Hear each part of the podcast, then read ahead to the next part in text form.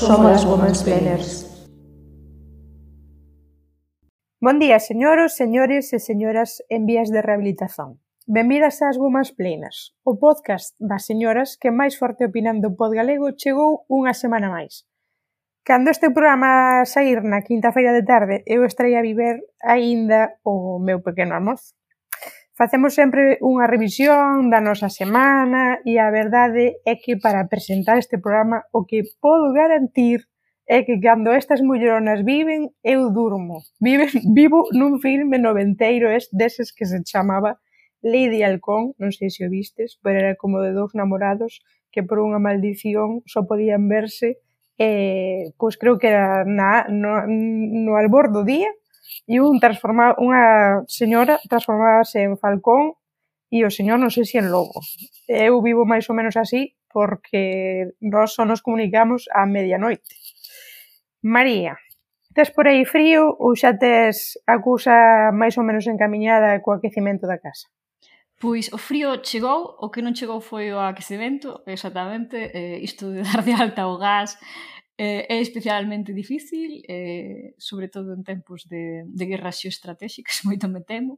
Entón, eh, pois pixamas quentiños, moito nórdico, eh, eh, tomar sopas eh, e beberte, que é unha cousa moi desta estación, que xa falaremos despois. Pero son sopas de cabalo cansado ou son sopas... Como son esas sopas? De momento son sopas de verdura, pero non descarto, non descarto se chega o inverno e, e sigo sen gas, ter que recorrer ás vellas, aos vellos trucos da, do noso povo.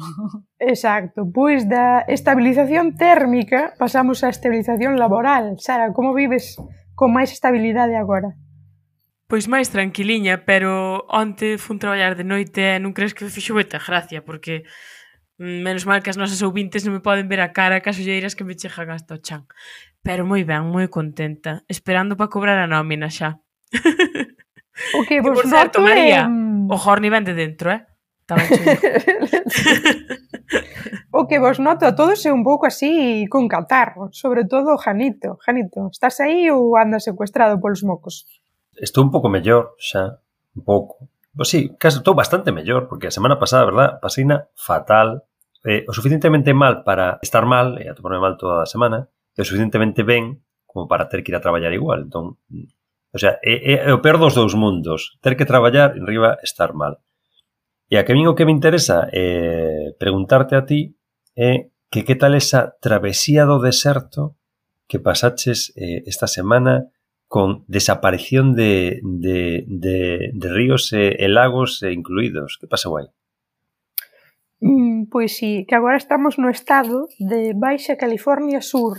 Entón, se xa Baixa California era un estado seco, Baixa California Sur é máis secarral aínda, porque tes que atravesar en coche moitísimo deserto, moito camiño onde o que hai son cactus e pedras, pedras e cactus, cactus e pedras, e a verdade tes que ir un pouco con cinco sentidos, porque tes que atestar o depósito nos sitios que te indican, porque despois vai haber moito, moito espazo de kilómetros sen ningún tipo de recurso, e nada, en unha destas aproveitamos para, mm, pois non sabedes como nestes filmes eh, americanos onde hai como asentamentos onde a xente vive en caravanas, pois iso, pois era unha cousa máis ou menos así, eh, de caravanas estivemos dormindo nunha, onde tamén foi guai para ver eh, o deserto e as estrelas en todo o seu esplendor, que se non tes luz eléctrica a man é como mellor se ven. Pois hoxe, falando así de temperaturas que o que introducimos cando presentei a María, eh, iremos tamén falar dun tema estacional, que é o outono.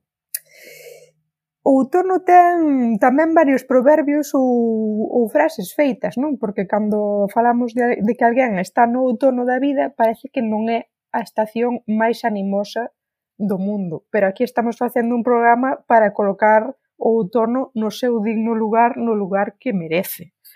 E pensades logo que o outono existe, é dicir, o outono hoxe existe tal como están mudadas as estacións, ou xa como afecta o cambio climático as nosas percepcións das estacións xa pasamos por alto que exista o outono.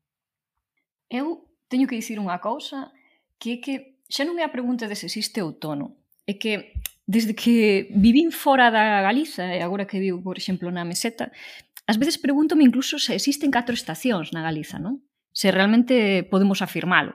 Por exemplo, eu teño a sensación moitas veces de que temos unha eh, un, un problema, non? Que é que a chuvia máis ou menos interrumpida que chega desde outono a primavera. Pero ademais, sen grandes cambios de temperaturas, que era o que marcaba antes un pouco o cambio das estacións. Entón eu xa lembro non como unha cousa extremadamente recente, senón xa lembro dos meus tempos de estudante, que eu acabei a, a carreira en 2006, que houve algún ano en que as follas das árbores dos caducif das caducifolias, vamos, eh, do auditorio, do parque do auditorio, non caían até decembro. É dicir, que non chegaba a ver outono, porque en decembro sí. prácticamente comeza o inverno, non? Eh, sí, e despois sí. caían de golpe. Nos que estudamos no mesmo campus eh, podo corroborar exactamente Desfe, non? Sí, pois sí, iso. Sí. Eh, entón xa, xa daquela tiña un pouco esa sensación de que non, non había un cambio de estacións como, como non lo venderan. E despois hai unha cousa curiosa, non? Para, para as persoas que temos eh, que medramos nun contexto máis de cidade ou máis vilego, onde estás na maior parte desconectada dun concepto das estacións que había antes que non viña xa marcado polo, polo propio clima ou pola, polo tempo que facía, senón que estaba subliñado de alguna maneira polos labores do campo, non? O sea, que o percebíamos eh, eh, digamos, pois a través de, desas cousas que poden ser pois sementar, botar as patacas, eh, o tempo en que medran eh, o tempo en que medran os amorodos, o tempo en que se medran eh, en que se recollen as patacas, o tempo en que se sementa, o tempo en que se en que se sega, o tempo en que se vendima, o tempo en que se fai a matanza, non? Todo este tipo de cousas que marcaban o transcurso do ano. Eh, eu, sendo de cidade, como pasaba moito tempo na aldea, así que lembro certas cousas como de botar as patacas ou recollelas ou facer a vendima ou tamén eh, o tempo en que medraban xa non relacionadamente relacionado exactamente cos labores do campo pero sí cos froitos, non? cos froitos que medran eh, así a eito polo campo pois eh, os, os amorillotes eh, na primavera ou as amoras a final do a final do verán que agora xa chegan a metade de xullo xa podes comelas non? Entón, ese, eses, eh, esas estacións que desde as cidades percibíamos sobre todo a través do tempo, porque labores do campo non había, agora van pouco a pouco desaparecendo. Podíamos ver pequenas pequenos cambios, mudanzas, non nos, eh, na natureza urbana, nas árboles, eh, no, nas follas nos parques, nas avenidas, e incluso un pouco tamén pois nesas luces de Nadal que eh, a mediados de decembro anunciaban eh, a fin do, a fin de outono. Pero claro, agora quen nos está a roubar o outono? O cambio climático ou Abel Caballero? Porque Abel Caballero tamén poñendo as luces de, de Nadal eh, en, en agosto e acendéndoas a metade do outono case en canto pasan os santos, pois tamén nos está roubando o tempo do outono, ao meu parecer, non sei. Sara, que dis? que estou totalmente de acordo contigo. A min non me deixan disfrutar da Spooky Season en paz. Quero dicir, o, o día 1 de novembro xa están poñendo as luces de Nadal, por favor. Eh, dádeme tempo de disfrutar do outono, que é unha estación que me gusta moito. Pero, María, teño que informarche que as follas do auditorio xa levan caendo dende hai unhas semanas. Entón este ano eu creo que temos ben. un outono bastante de verdade a nivel climatolóxico, ademais que viñeron as chuvias e todo isto. Pero a min, por exemplo, sorpréndeme o que diste da climatoloxía fora daqui da Galiza, non? Que coincidiu que esta, esta fin de semana pasada estiven en Mallorca en manga curta a 25 graus a mediodía. Iso nin é outono, nin é nada. A min que me, que me desculpen, pero a verdade é que eh, aí o clima non xoja nada a favor das, das estacións.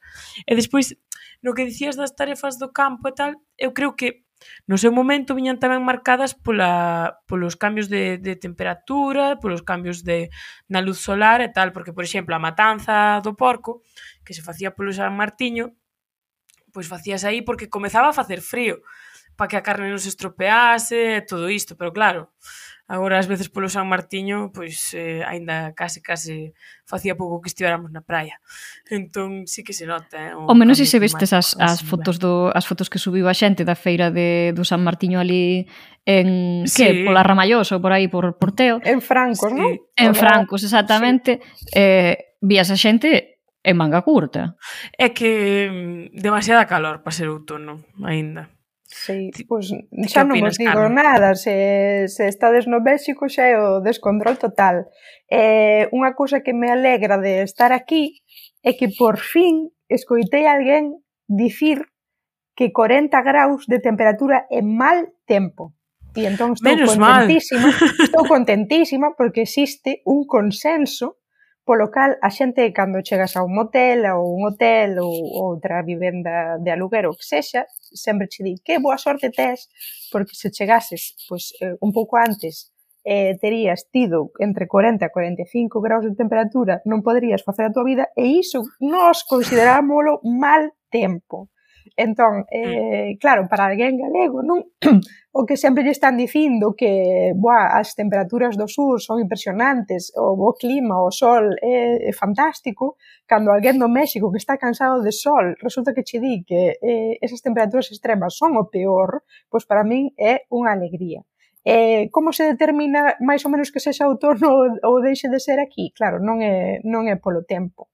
Eh, Para min, por exemplo, eh, que son unha persoa que prácticamente vivo xa en Santiago e xa me considero case compostelana, eh, tamén esa sensación de outono estaba moitísimo máis diluída porque eh, unha vez que chegaban as chuvas era empezar non? en outubro eh, calquera ano da carreira seguramente María Concorde e de outubro a abril había só unha estación que era chover a, a, a caldeiros. Entón aí, sí. pff, claro, ata que por fin chegaba un pouco a primavera, que eu asociaba máis a chegou a ascensión, eh, xa se pode máis ou menos colocar a manga curta, quedaba todo máis ou menos en frío chuvia, chuvia, frío chuvia, frío chuvia. Era unha cousa así eh, amorfa que eu asociaba a non manga corta. Entón aquí... Mm, unha claro, primavera claro, dun mes, por certo, sí, que, sí, e ás veces sí. tamén bastante chuviosa. Sí, sí. unha cousa así entre mm, algunhas veces sol, algunhas veces chuvia, pero non era eh, un frío que, que tiveses que colocar plumífero, por exemplo. Entón aquí, claro, pois non sei, por exemplo, no, Merxi, no México o que determina que estás no outono é o calendario e unha serie de, mm, de festividades das que falaremos máis para adiante que imagino que é tamén eh, pois algo que comparte a xente que vive nunha cidade grande, non? Pois mm, sabe que é o outono, pois nada, porque busca no Google cando entra o outono e porque hai unha serie de cousas que se fan no outono, pero mm, mm por temperaturas ou tal, aí xa sí que creo que queda moitísimo máis máis diluído. Sara. Bueno, eu para entrar xa un pouquiño máis en materia de todo este tema outonal, eu quería vos dicir que son unha grandísima fan do outono. Eh, por fin acaba eh, a calor infernal do verán, non estás a suar todo o día, as paisaxes outonales están preciosas cas eh, cos tons ocres, marróns, eh, con toda a natureza mm, fermosísima. Pa min o clima é estupendo, aguantas a chuvia en Compostela, é o que nos queda. Ademais, outra cousa boa do outono e da chuvia é que hai muitísimos menos turistas e podes estar tranquilamente pola rúa, sen, sen, sen as rúas todas petadas de xente. E, bueno, ademais hai comidas que me gustan moito, como, por exemplo, as castañas e todo isto. Entón, quería preguntarvos a vos se o outono é a mellor estación, en caso de que o sexa, para quen se a vos vos gusta o outono, que actividades outonais vos gusta facer ou tradicións de outono que, que vos gusten. Contádeme un pouquiño. Malvada profe. Pois, eh, eu teño que dicir que sí que son bastante fan do outono, máis desde que máis desde que vivo nun, nun sitio máis seco onde onde as estacións están moi marcadas porque vivo nunha cidade que está eh, chea de natureza non só rodeada de natureza, senón que a natureza está moi integrada na cidade. Entón, eh, gozo moitísimo deses paseos de outono con frío e sol, aínda que se faga de noite moi cedo, esa sensación de ir pasear ás 5 da noite para ver o sol por, non? O sol por, o río, a, a, a cidade. Eh, é unha cousa, o único que me dá un pouco de mágoa, que é unha, eh, claro, o outono é a, a estación melancólica por excelencia, mm. é que esta cidade está sempre chea de paxaros, de aves, e outono é cando marchan as aves migratorias. Entón, hai unha sí. serie de, de aves que xa non vou ver, o que as vexo incluso marchar, non? As cegoñas, bueno, sobre todo si sí, as cegoñas ou as, eh, ou as andoriñas, non? que as ves marchar así en, en bandadas, algúns dos, dos patos que viven aquí polo río, que tamén desaparecen cando comeza a facer frío, pero sí que me gusta moitísimo, teño que dicir. E despois, hai unha parte do outono que, mm, que é xa case Nadal, pero non é, e que é o que máis me gusta vindo do Nadal, que é o Advento, que é esa especie de conta atrás para, eh, para os días máis curtos. e, e gustame, gustame moito facer eh, de, gozar desa época e ademais vou contar unha cousa porque isto non o vai eh, escoitar o, o malvado profe antes de, de recibilo pero gustame moito facer calendarios de advento. Este ano estou a facer un destes personalizados manuais para el cheo de cousas bonitas e, e de verdade face de calendarios de advento. A mí é unha cousa preciosa. E non teñen por que ser de trangalladas de chocolate, podes meter tamén poemas, podes meter tamén infusións, podes meterlle, non sei, eh, alguén que lle gusten pois cremiñas, cousas así, cousas bonitas, detalles bonitos. Son super chulos. Mm. Sí, hai xente que lle gusta facelos con maquillaxe, por exemplo. Sí, sí eh, eu unha vez fixen un incluso con cancións para un amigo. Entón, quero dicir que, que os calendarios de advento se poden facer de calquera maneira. Son unha maneira de pasar unha tarde pensando, deseñando o que queres facer, Eh, se os organizas con tempo non teñen por que ser moi caros, sobre todo se recorres máis ao, ao do it yourself, non as, as manualidades. Eh, manteñete así iso. É unha cousa que que dá caloriña, non como unha cheminea, pero que dá así caloriña por dentro tamén. É iso moi bonito. Carmen? Pois eu é unha das cousas de así craft do, do it yourself que teño pendentes. O calendario de advento e agora unha piñata, que estou vendo vídeos de como facer piñatas e evidentemente neste ano que entra, cando a miña filla faga tres anos, vou facerlle unha piñata, porque me parece super chulo. Eh, falaba tamén a malvada profe de ver o sol por, e, e a verdade é que é algo que estou a apreciar eh, moitísimo aquí. E, e é unha nota que tamén quería deixar, non? Porque o outono ven tamén moi precedido na Galiza por esa mudanza horaria que é entrar eh, noutro horario, porque mudan agora E entón a xente comeza a dicir que se vai ser noite ás 5 da tarde, que que é depresivo. E aquí no México é noite ás 5 da tarde. E creo que ninguén di que o México sexa un país pouco divertido ou dado á depresión ou dado ás choradeiras, é dicir, eh, señores, miren en onde eh, anoitece eh, noutros países ao redor do mundo e van ver que anoitecer ás 5 da tarde nesta época do ano é bastante común se non vives eh, nos polos ou moi cercano aos polos. Eh, a min o outono sí que é unha estación que me mola moito. O outono na Galiza pareceme super chulo, pois polo de sempre, non? Porque hai varias actividades que se poden facer só no outono, como por exemplo todas as que están relacionadas coa cultura da castaña, como os magostos, que sí que é eh, algo que pois que me dá moita pena que só se tivese conservado, e digo conservado, non porque aínda que nós no litoral fagamos magosto, eh, máis magosto porque non lo aprenderon na escola, que non tanto porque se teña conservado aquí como se conserva pois nalgúnas zonas como por exemplo en Ourense, non? eh, nos sempre conservamos máis pois cousas como o San Xoán, que en Ourense é case inexistente. Eh, e a min, mesmo eh, na escola, o magosto sempre foi unha cousa que me, que me fascinou, todas esas actividades que che propuñan as profesoras de facer eh, unha castaña eh, que fose un colgante que fose unha cara ai, con tres sí. alfinetes mal postos e unhas cousas de lán, a min parecíame aquelo super fashion, encantábame colar de zonchos tamén me mola moitísimo. Ir sequera a, a apañar as castañas xa me parece unha actividade xenial para conectar eh, pois, máis coa natureza e coñecer montes que haxa arredores. É unha pena tamén que moitos dos castiñeiros pois fosen eh, sustituídos por outras especies alóctonas e que cada vez teñamos menos castiñeiros para menos outros para para mm. poder ir Eh, pero, por exemplo, ir a, ás castañas, ir aos cogomelos, moitas das actividades que se fan en asociacións socioculturais que en Compostela, por exemplo, hai moitas que para ir a apañar cogomelos apréndese moitísimo. E, e a min os cogomelos é algo que me, que me encanta ir a apañalos e cociñalos. Recoméndovos que, claro, sempre vaiades con alguén que, que sabe, é dicir, eu non, son aínda capaz de ir por mí mesma e coller moitísimas variedades, só, só son capaz de apañar pois algunhas que sei que son eh, completamente inofensivas para min e que non se confunden con ningunha outra.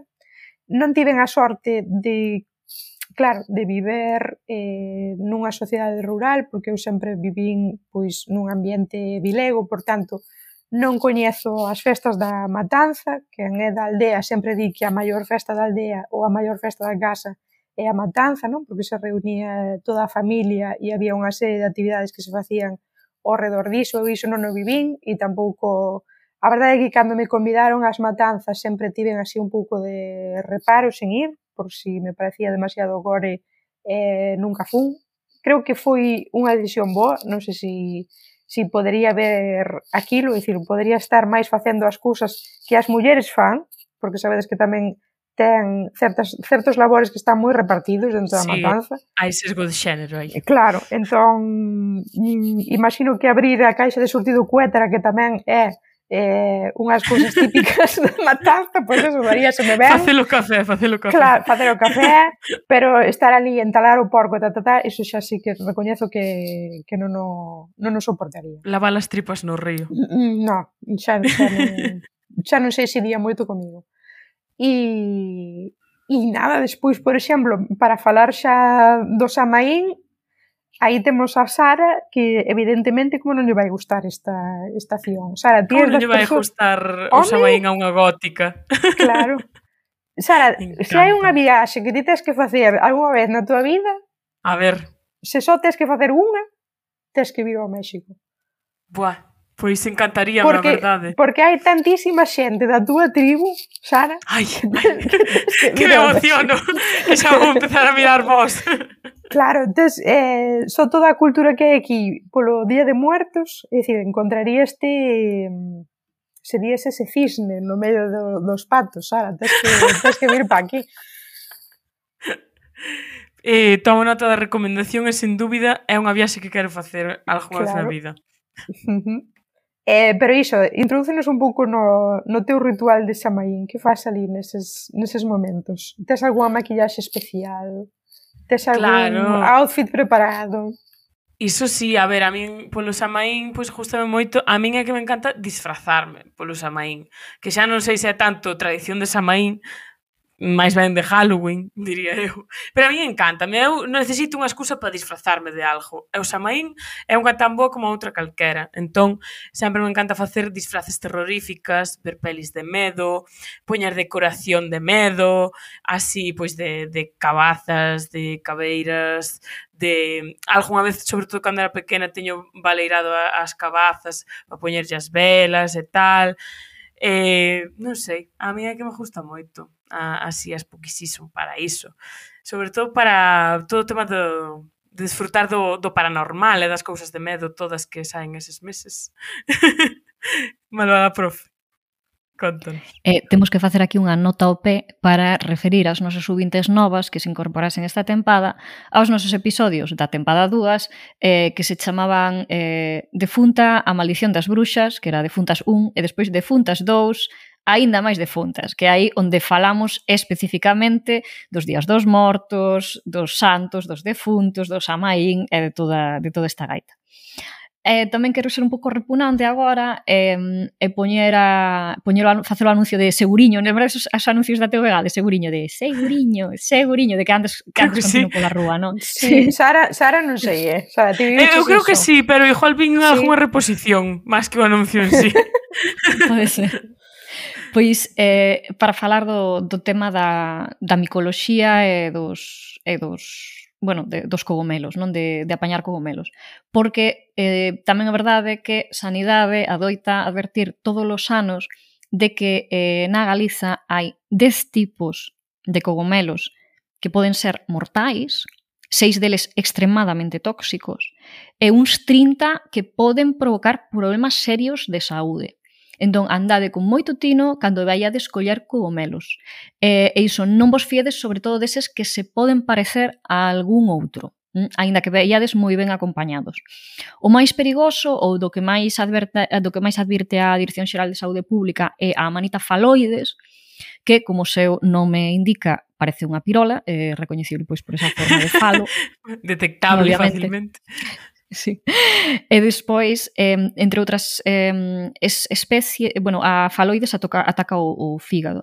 E despois hai varias que son do grupo das chamadas eh, cortinarias que poden, eh, que poden ser fatais para os riles.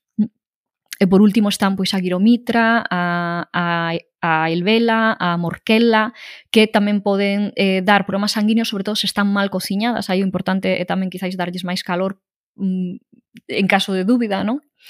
Eh, e hai outras que non eh, son eh, mortais de necesidade porque as tomes unha vez, pero se se consumen de maneira continuada, como a paxilos involutus e, e algunhas como os tortulos, pois tamén poden acabar eh, provocando embolias cerebrais, etc.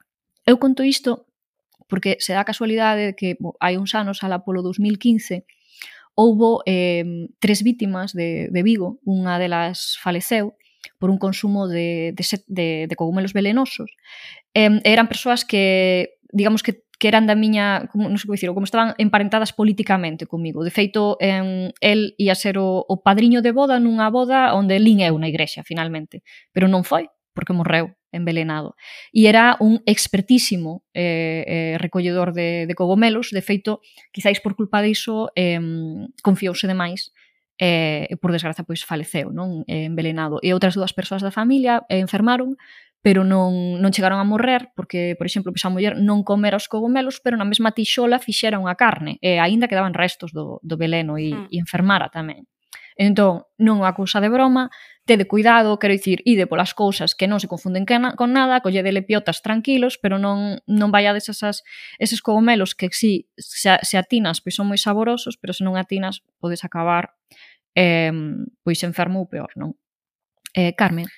Nada, que os cogomelos merecen, penso, un programa por separado, só xa polos, sí. polos nomes de tabuismos que teñen, porque sabedes que tamén a Igrexa eh, chegou nos a prohibir porque as señoras mm, flipaban un pouco tomando algúns eh, que eran psicotrópicos.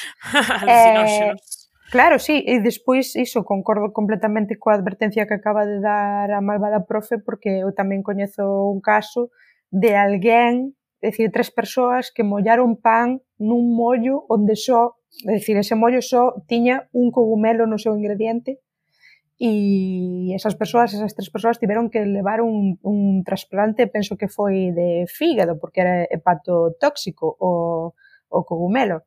E, entón, iso foi nada máis colocar eh, unha, un, unha miguiña de pan no mollo, sí. leválo á boca e, e dicir, a consecuencia puido ser eh, moitísimo peor. Por eso vos dicía que iso, mm, se, se sabedes cogumelos que non se poidan confundir con ningunha outra cousa, eh, pois en caso de dúbida mm, apañades só eses e eh, máis nada. E, e nada, pois, como estou no México, pois, eu diría que a mellor estación do ano para estar no México é agora no outono, un pouco polas temperaturas, e despois por unha serie de mm, eventos do calendario mexicano que me parecen moi importantes, pois eh, no propio outono hai Día de Muertos, que creo que é mm, coñecidísimo ao redor do mundo enteiro, xa diría hoxe que case a, mm, a Catrina non é algo que representa o México fora das súas fronteiras. Entón, o Día de Muertos, para nós, um, o choque maior foi saber que, que Día de Muertos non se festexaba exactamente sempre no día 1. Eh, moitos concellos o que fan é, como Día de Muertos eh, ten sempre unha festividade que é un desfile moi grande, non? Polas cidades e, e polos concellos, pois eh, moitas veces eh, cando son as máximas festas son no sábado anterior ou no domingo anterior para que toda a xente poida participar. Porque, atención, a semana laboral no México é de 48 horas. Uf, 48 nos queixámonos das de 40 con razón, pero hai xente sí. que está peor aínda. Sí, pois aquí eh, aquí é moito é moito alucinar.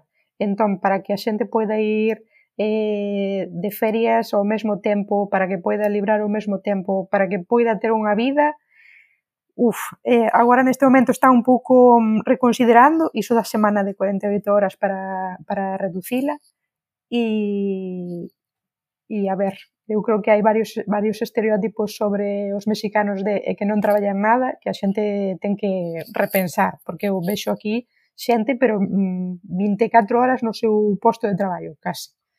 Eh, dicíamos, non, que mm, as eh, festividades hai algunhas veces que son no sábado anterior, digamos que Día de Muertos, día 1 e 2 é máis acusa relixiosa de ir aos, aos cemiterios e eh,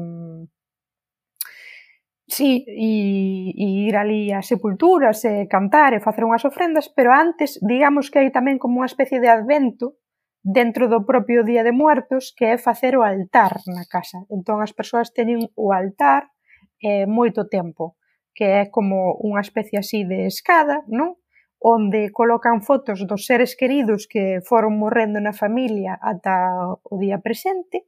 Entón colocan esas fotos, colocan algunhas comidas, comidas que non se degraden, é dicir, non vale que poñas ali un ovo frito, eh, teñen que ser comidas que non apesten ao, ao longo dos días, poden ser bananas, pode ser feixón sen cociñar, eh, pode ser fruta, non pero cousa que non se chega a degradar moitísimo, fruta con casca, por exemplo. E, e ese altar queda Mm, así moi moi moi periposto ata Día de Muertos e despois decae un pouco e chega a ser máis modesto e pode incluso estar durante todo o ano, non? Eh, o que é moi presente é sempre a flor de Día de Muertos que se chama eh, sempasúchil, que é unha flor mm, laranxa, así como con forma de pompón. Soabos esa flor.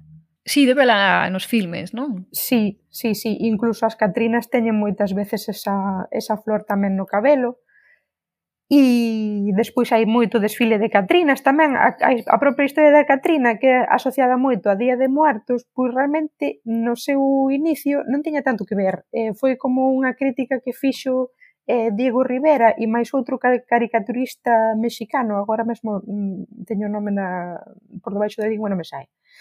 Pero chamábase nun principio eh, calavera frijolera ou calavera fa, favalera ou algo así, porque era como unha crítica ás persoas que eran mm, pois mestizas, pero intentaban eh, ocultar non que eran mestizas para ser o máis europeos posibles, por iso a Catrina vai vestida como con plumas, cunha pamela, grandes tocados, e por que iso da calavera? Pois, mm, como para asinalar que é un pouco un estilo de vida podre, non? Porque ti estás con certo outoño. E porque era tamén iso do... Un malinchismo. Da fa, sí, da fava ou do, ou do frijol, porque se supón que esas persoas eh, eran vendedoras, as persoas mestizas eran vendedoras de, de frijol que viñan a, ás cidades vender iso, non? E, e ao pouco a pouco pois foi gañando eh, outro nome como de Catrín ou Catrina, que é así como nunha traducción bastante libre, chulapo ou chulapa, é dicir, unha persoa como moi ben vestida e, e chulesca, non? Eh, para asociarse máis a, a eses valores europeizantes. E tamén algo que se fai aquí no Día de Muertos, son unha serie de doces típicos como, por exemplo, o pan de muerto, que a min sabe moito a rosca que nos facemos en Padón de Pascua ou a que fai calquera persoa por reis. E o que pasa que ten forma de bolo, unha cruz eh, feita de masa por riba e moito azucre. Todo o que haxa aquí ten moitísimo azucre. 5 toneladas de azucre máis eh, que o habitual a que alguén está habituado. ten moitísimo azucre. É dicir, comprei un xarope para a miña filla, isto é real, Comprei un xarope para a miña filla para a tos e tres días despois souben que existe o mesmo xarope versión diabético porque te pode dar un mal con, o sea, eh, con ese, xarope. Mima. A, a, o azúcar e todo que pode ter iso. Amar a saúde, a prova de vida. Uf, madre, Estás madre mala. santa. Madre santa, un poquito de droga sí que tenía.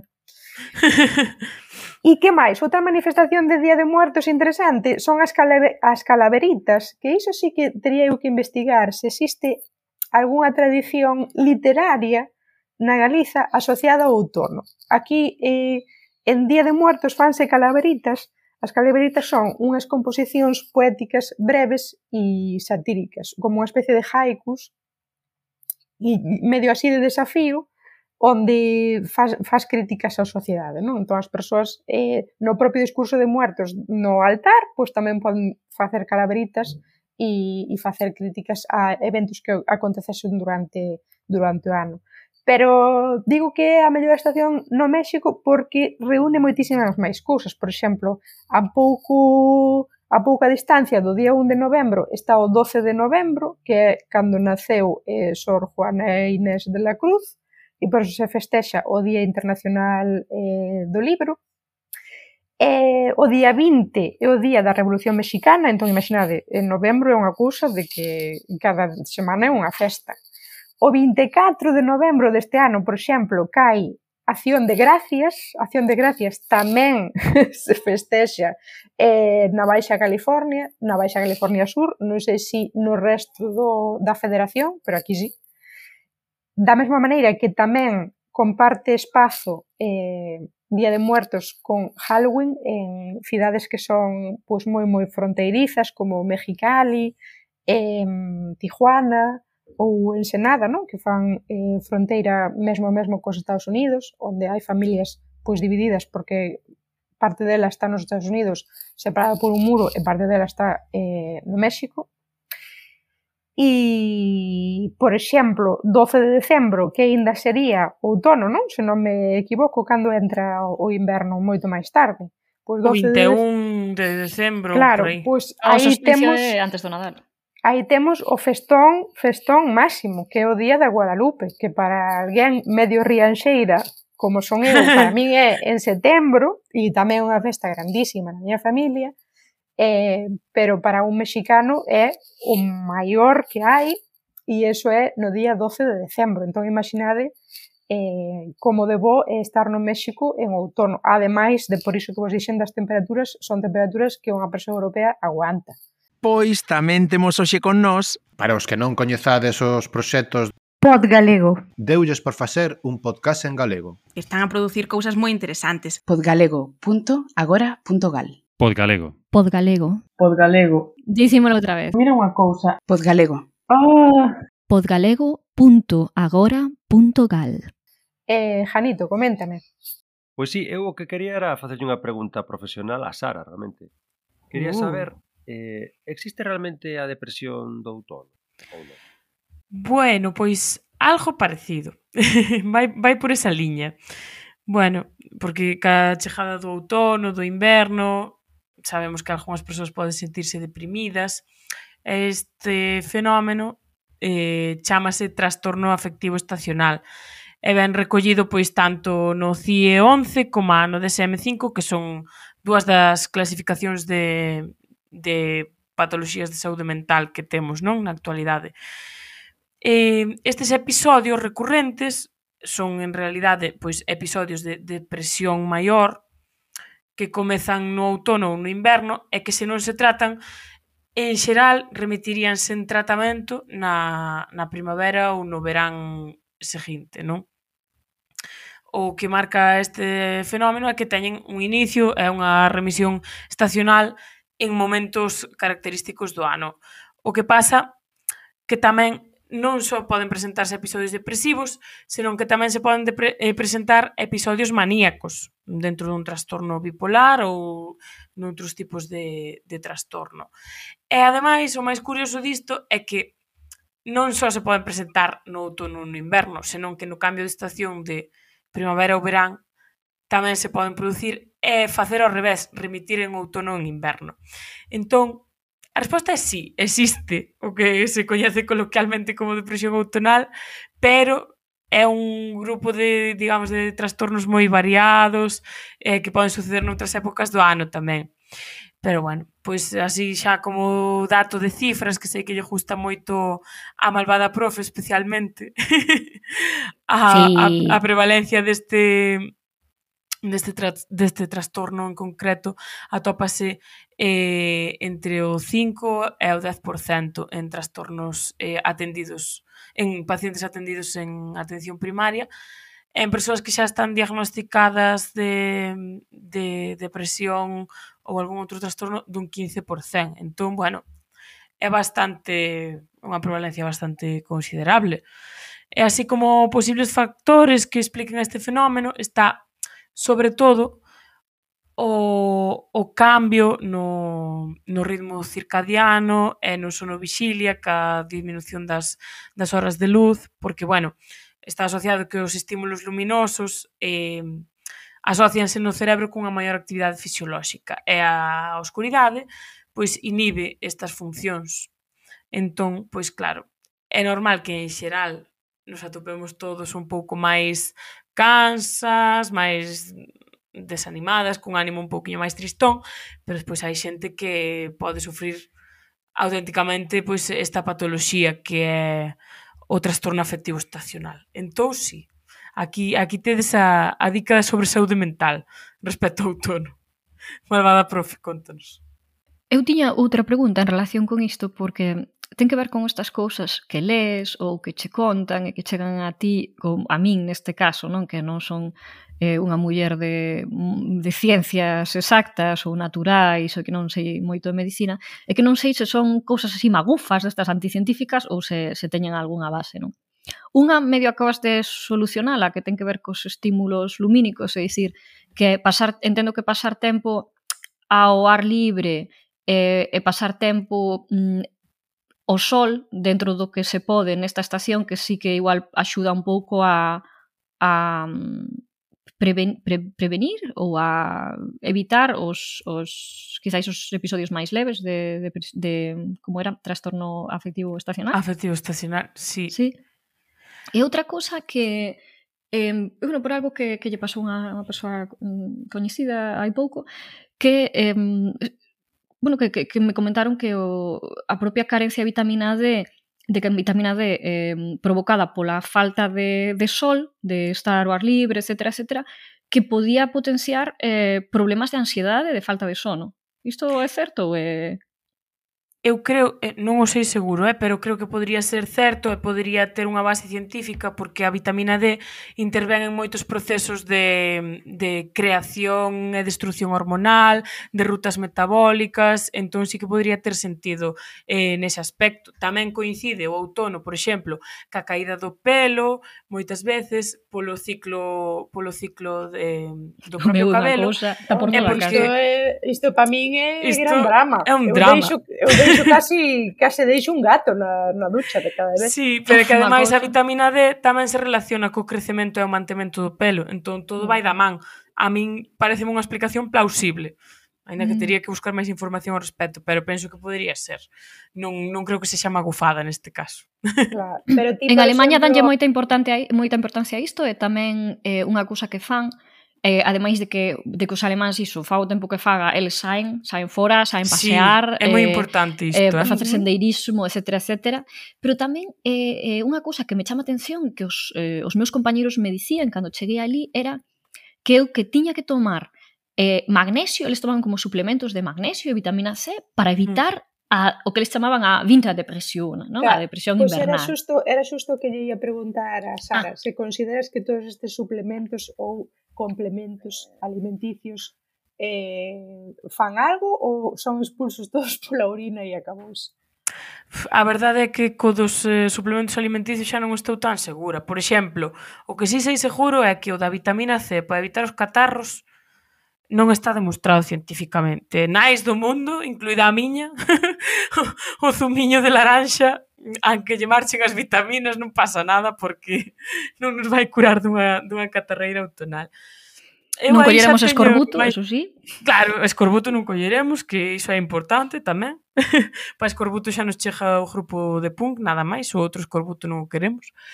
Eh, pero nos complementos nutricionais e vitamínicos e tal, xa teño máis as miñas reservas, porque ao final son cousas que na súa maioría podes obter a través de ter unha dieta equilibrada, que non é preciso suplementar a maiores, sabes? Entón creo que hai certo interese, certo mercado aí ao redor de intentarnos vender que precisamos estas cousas para estar mellor, para estar máis sans, cando pois iso, tendo unha dieta normal, ningún tipo de, de problema digestivo ou de mala absorción ou o que sexa, pois non deberíamos ter ningún tipo de problema para obter o magnesio necesario, nin a vitamina C necesaria. A vitamina D, pola dieta, aquí non temos ningún problema, o único problema que temos que a vitamina D é que se activa, digamos que se sintetiza ca luz solar, o 90% da vitamina D sintetízase ca luz solar. Entón, estamos fastidiadas. vale, vamos ter uns niveis bastante baixos de vitamina D todo outono e todo inverno, Ainda que metamos mil suplementos de vitamina D, non importa. Por eso dixo que esto tema dos suplementos, bueno, eu creo que hai que collelo bastante con pinzas. Iso sí. Eh, sí, é que agora recordo que tamén a, a miña irmá é médica, non sei se algunha vez o comentei por aquí, pero nunha das miñas entrevistas ca matrona, e penso que foi antes de, de eu estar grávida, non sei que lle fun consultar, pero vamos, que me dixo unha obviedade que eu xa sabía que era que eu estou un pouco tocada do, da tiroides.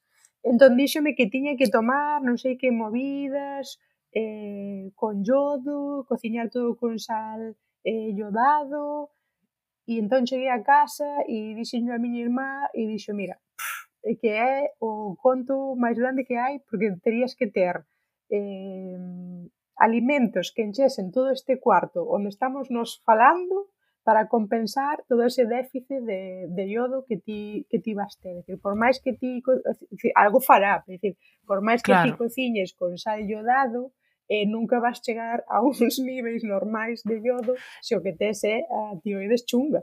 É que ademais eh, é endémico, o tema do déficit de iodo é endémico de daqui de, da Galiza, un pouquiño, entón.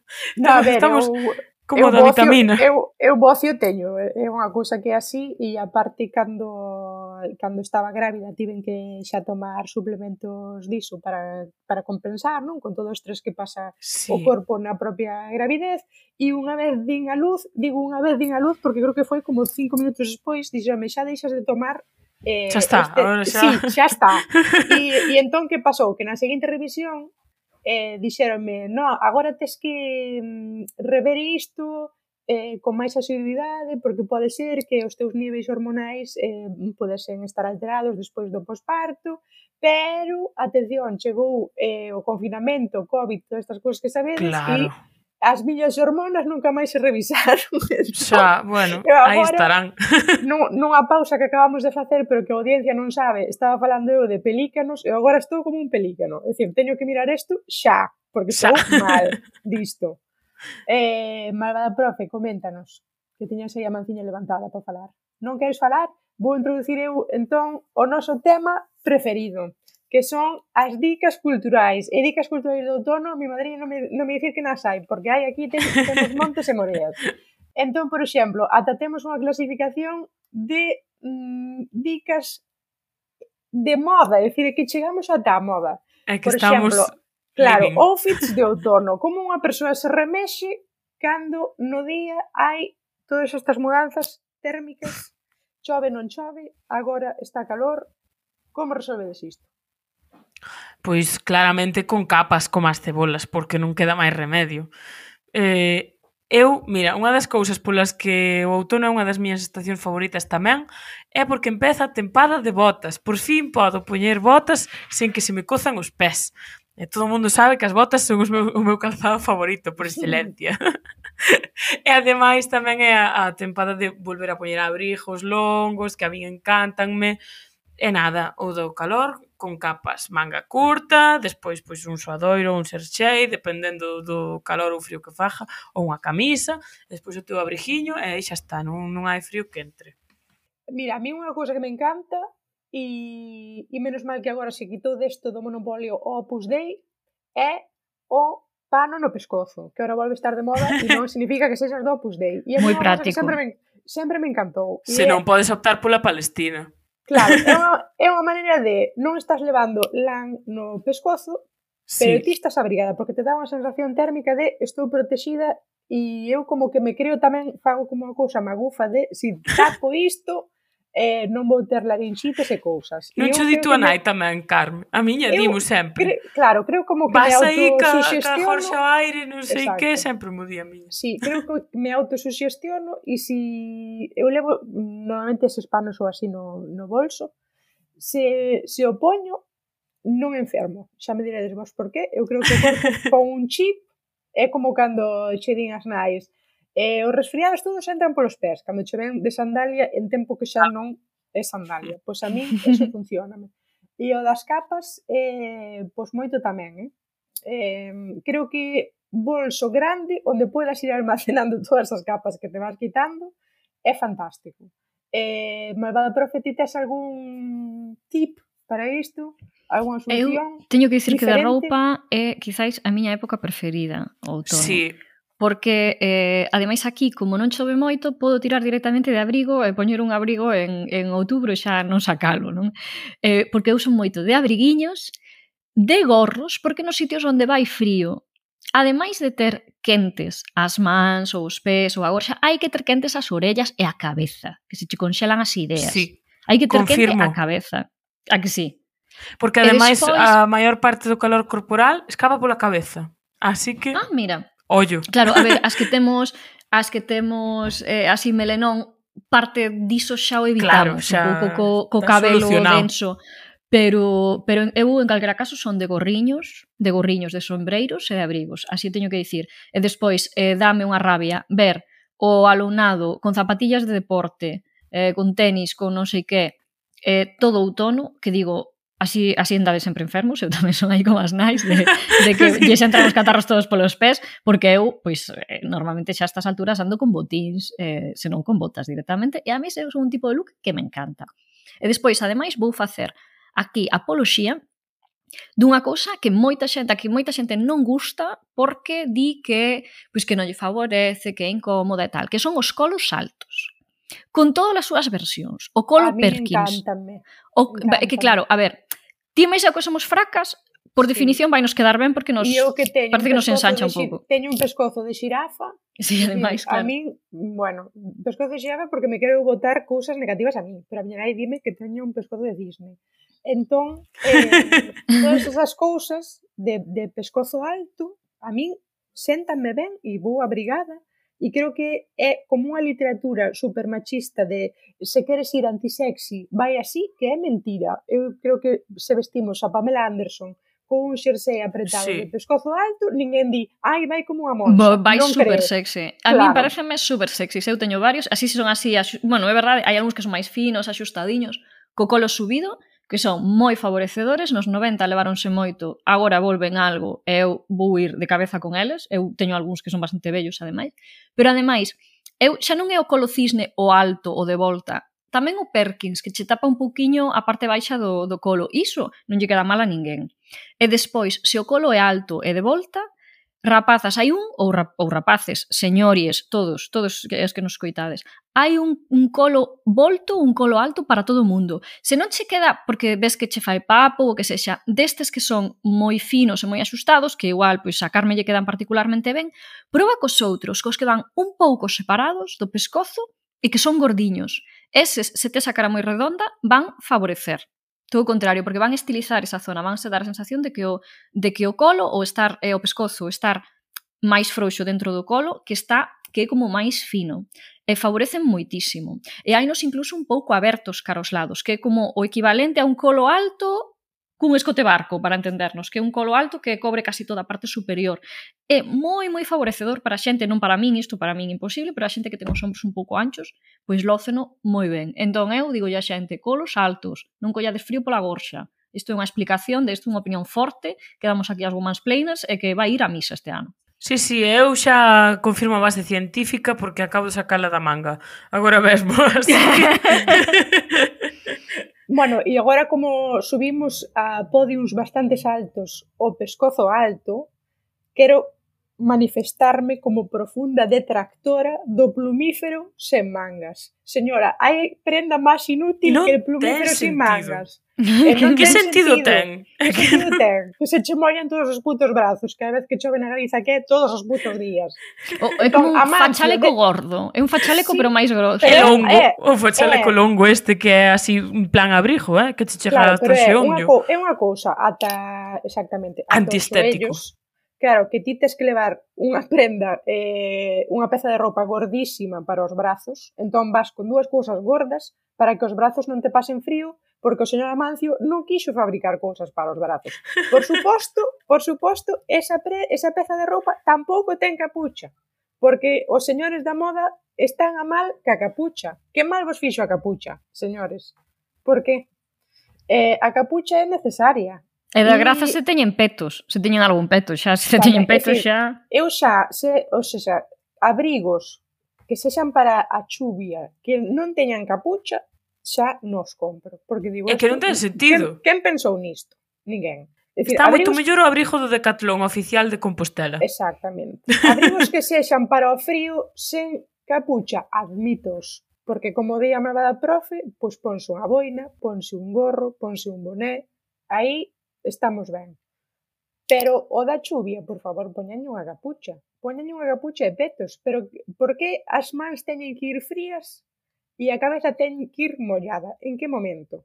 E alguén me dixo en Twitter que era para as persoas non se despentearen. Digo, vamos a ver pero estamos moi mal na cabeza. eh, Ridiculismo. Cla eh, sí, é dicir, entón prefires ir ensopada, pero ensopada completamente, a, a ir despenteada. Mm, mira os teus principios porque vas mal. E daqui da roupa pasamos, por exemplo, mm, ás dicas cinematográficas. A mamada profe sei que tiña por aí algunha.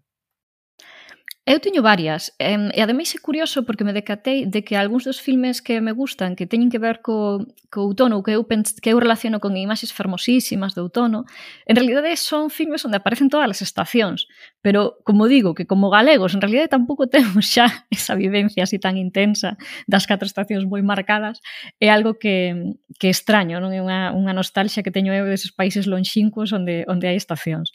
Entón, curiosamente, correronseme eh, dous, eh, dous filmes que son os dous eh, do, do Extremo Oriente, un de Corea e outro de Xapón, eh, u, e son ademais pois, de, sí, de, do cambio de século, non deste cambio de século.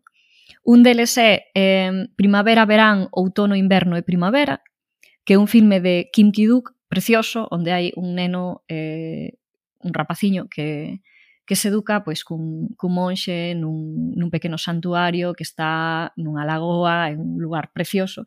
E o paso das estacións por ese lugar é unha cousa fermosísima de ver.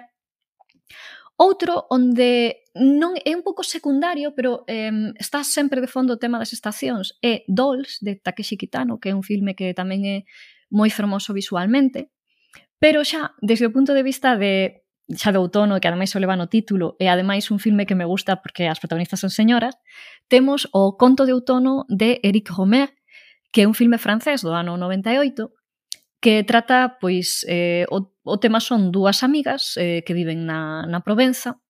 Unha delas eh, quedou viúva non moito tempo antes e xa ten os fillos pois máis ou menos criados, entón a súa amiga decide eh, facer de Alcaiota, que tamén é un tema fantástico, facerlle de Alcaiota e eh, buscarlle unha parella poñendo anuncios por palabras. Entón, eses son, pois, sí, os filmes de relacionados co outono ou con imaxes de outono bonitas que eu quería recomendar. Pois eu teño por aí outro, xa que estou no México e vivín aquí Día de, Mor Día de Muertos, pois recomendo vos que vexades Coco, da Disney Pixar, Eh, eu vira isto antes de estar no México e recoñezo que agora teño pois unha curiosidade bastante insá en volvelo ver, a ver se considero que era tan mexicanísimo como cando vin eh, sen ter estado aquí. Eh, sí que me recordo de haber moitas catrinas, de haber moitos empasúchil, eh, da maneira, non da concepción que, que se ten no propio México da morte estará ali plasmada no filme, pero eh, recomendo vos vela e despois trocar así algunha opinión eh, nas redes sociais. Hai outro mm, outro personaxe que é un personaxe de humor eh, en Portugal que se chama Bruno Aleixo, O Bruno Aleixo naceu pois para encher unha serie de minutos nunha, nunha das televisións portuguesas e en apariencia era bastante, bastante, bastante sospeitosamente parecido a un Ewok.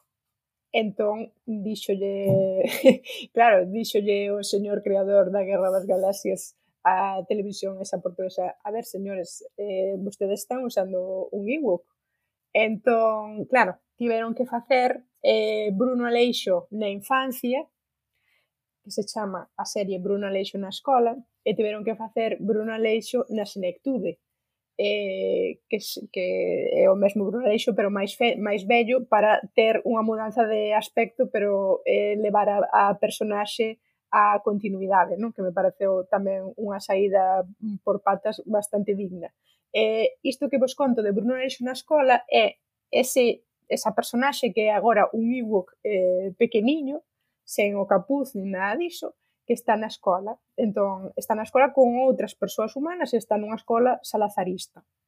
Eh, para poder desver así un pouco como se vivía, cales eran as formas de tratamento en portugués, que isto tamén é moi interesante. E hai un vídeo que é Bruno Aleixo na escola, dous pontos o outono Entón aí podedes ver como Bruno Leixo fai unha mm, composición escrita sobre, sobre o outono e como vai eh, esmiuzando en, en que consiste a praxe en Portugal eh, e como son vistos os caloiros, é dicir, as persoas novatas que comezan eh, o ano académico, que me parece, bon, eh, creo que é un valor que, que se aprende isto na Galiza porque as persoas pensan que saben moito de Portugal e este é un podre que as persoas non coñecen moito de, de Portugal. Eh, temos por aí logo máis dicas? Por exemplo, mm, algún libro? Mabada Profe, tes por aí algo? Eu, máis que libros, sí que me gustaría recomendar así textos soltos, non? De, eu xa sabes que me gusta moito ler poesía, e como, aínda que agora non ensine alemán, ao final son a malvada profe de alemán, eh, hai dous poemas moi, fam moi, moi famosos e moi fermosos que quero recomendar, eh, que son un é de, de Georg Trakl, que é un, un poeta expresionista, que escribiu por volta, non vou dicir ben agora o, o ano, pero 1910, por esa época de eh, previa á Primeira Guerra Mundial, un, un texto moi fermoso que é o outono transfigurado, E, e outro que me gusta moito tamén, eh, que é máis ou menos da mesma época, un pouco anterior, eh, máis simbolista, que moi moi finisecular, é eh, de Stefan George, eh, o texto Entra no parque declarado morto. Eh, ese, esa idea do parque declarado morto, é dicir, o parque que porque chega outono ou está acabando outono parece xa morto, pero el aínda atopa os sinais de vida na natureza do parque. E a máis esa idea tan natural do parque, que os parques alemáns non son como os parques franceses ou ingleses que se imitaron moito eh, sempre desde, desde España, non? sino que son parques que parecen case pequenas fragas, máis parecidos a parques como pode ser pois o, o, o Granel en, en Santiago, por exemplo, ou a zona de Brañas do Sar, non? que están así un pouco a natureza máis acotada, pero pero un pouco o seu aire, non? Sen, sen esas floriñas facendo formas xeométricas, ese tipo de cousas. Pois eses dous poemas recomendo a xente que, que os busque e que e, eu mesma teño feitas traducións que se buscades no meu Twitter por aí andan. E, e nada, sí, eses serán os, os libros que, o sea, os libros, máis ben os, os textos, non? Que, que me gustaría recomendar. E, e vos, mozas, hai algún libro, algún conto, algún poema, canción que, que irades relacionar co, co outono? Pois a verdade é que non, non teño nada buscado sobre iso. Normalmente sempre se me acordan dicas culturais así como a, como unha chispa bastante rápido, pero só teño unha última que é sobre viaxes, entón prefiro que si Sara ten algo agora que o lance agora. Nada? As dicas culturais son a vosa especialidade.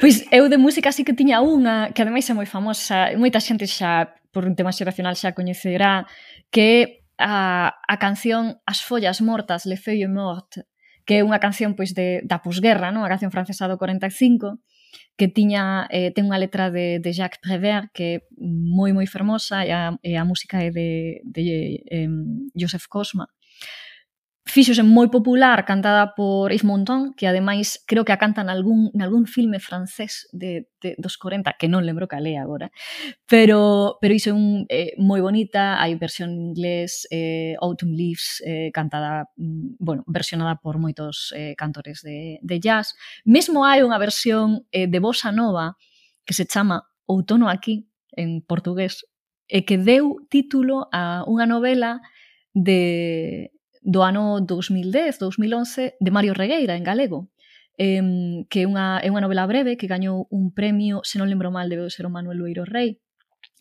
eh, e que e que é unha, é unha novela para o meu gusto moi boa, con tratamento así de diferentes espazos eh, espazos como lugares, pero tamén espazos temporais, que trata un pouco eh, esa, ás veces, pues, a, a violencia intrafamiliar ou entre veciños, non unha cosa que está agora tan de moda co tema da, das bestas.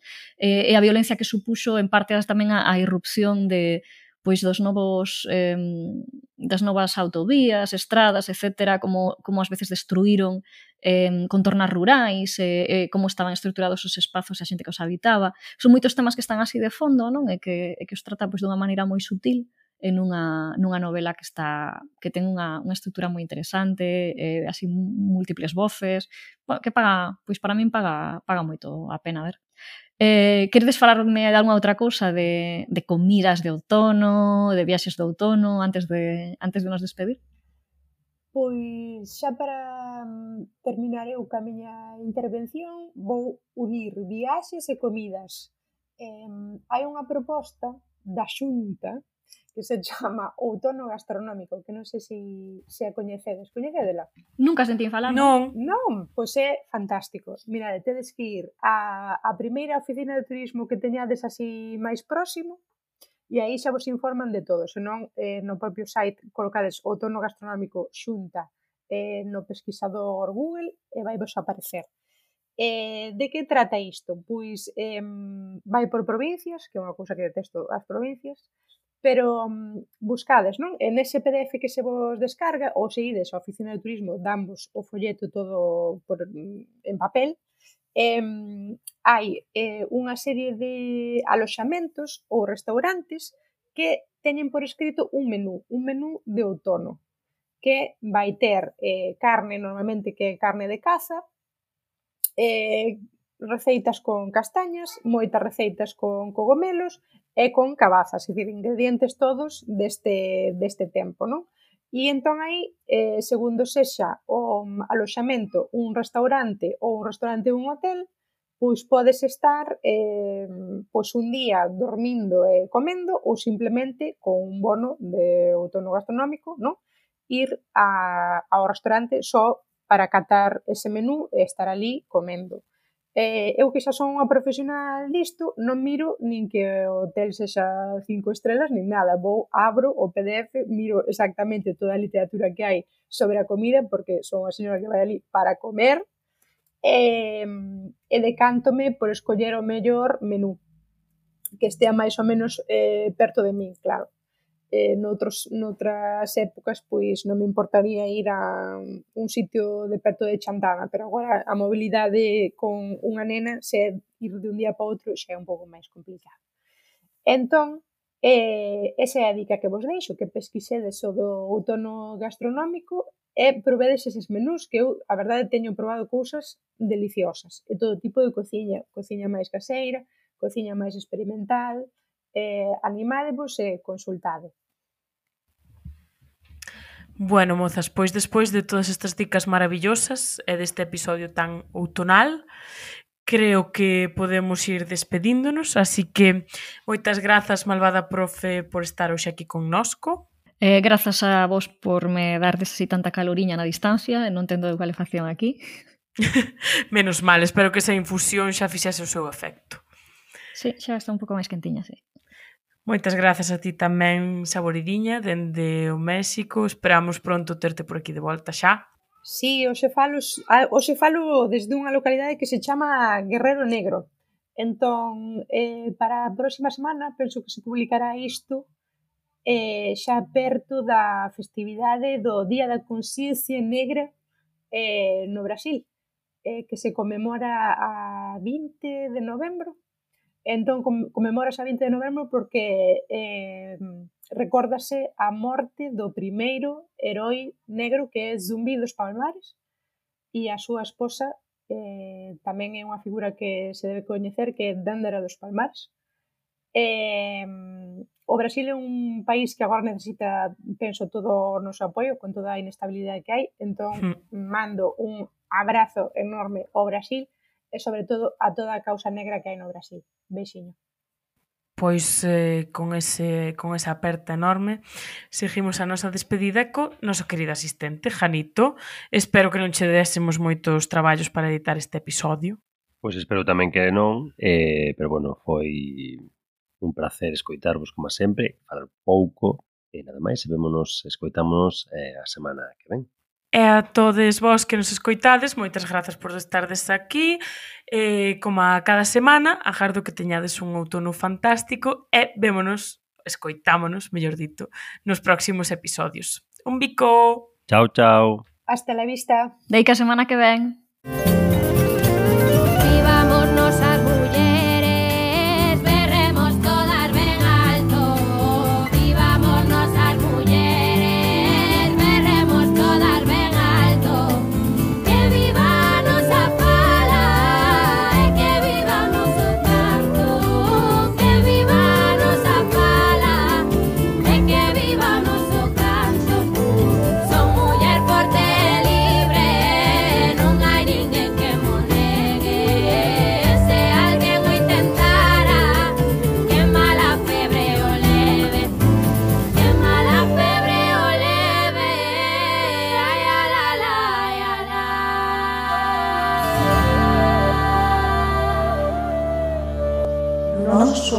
God's banners.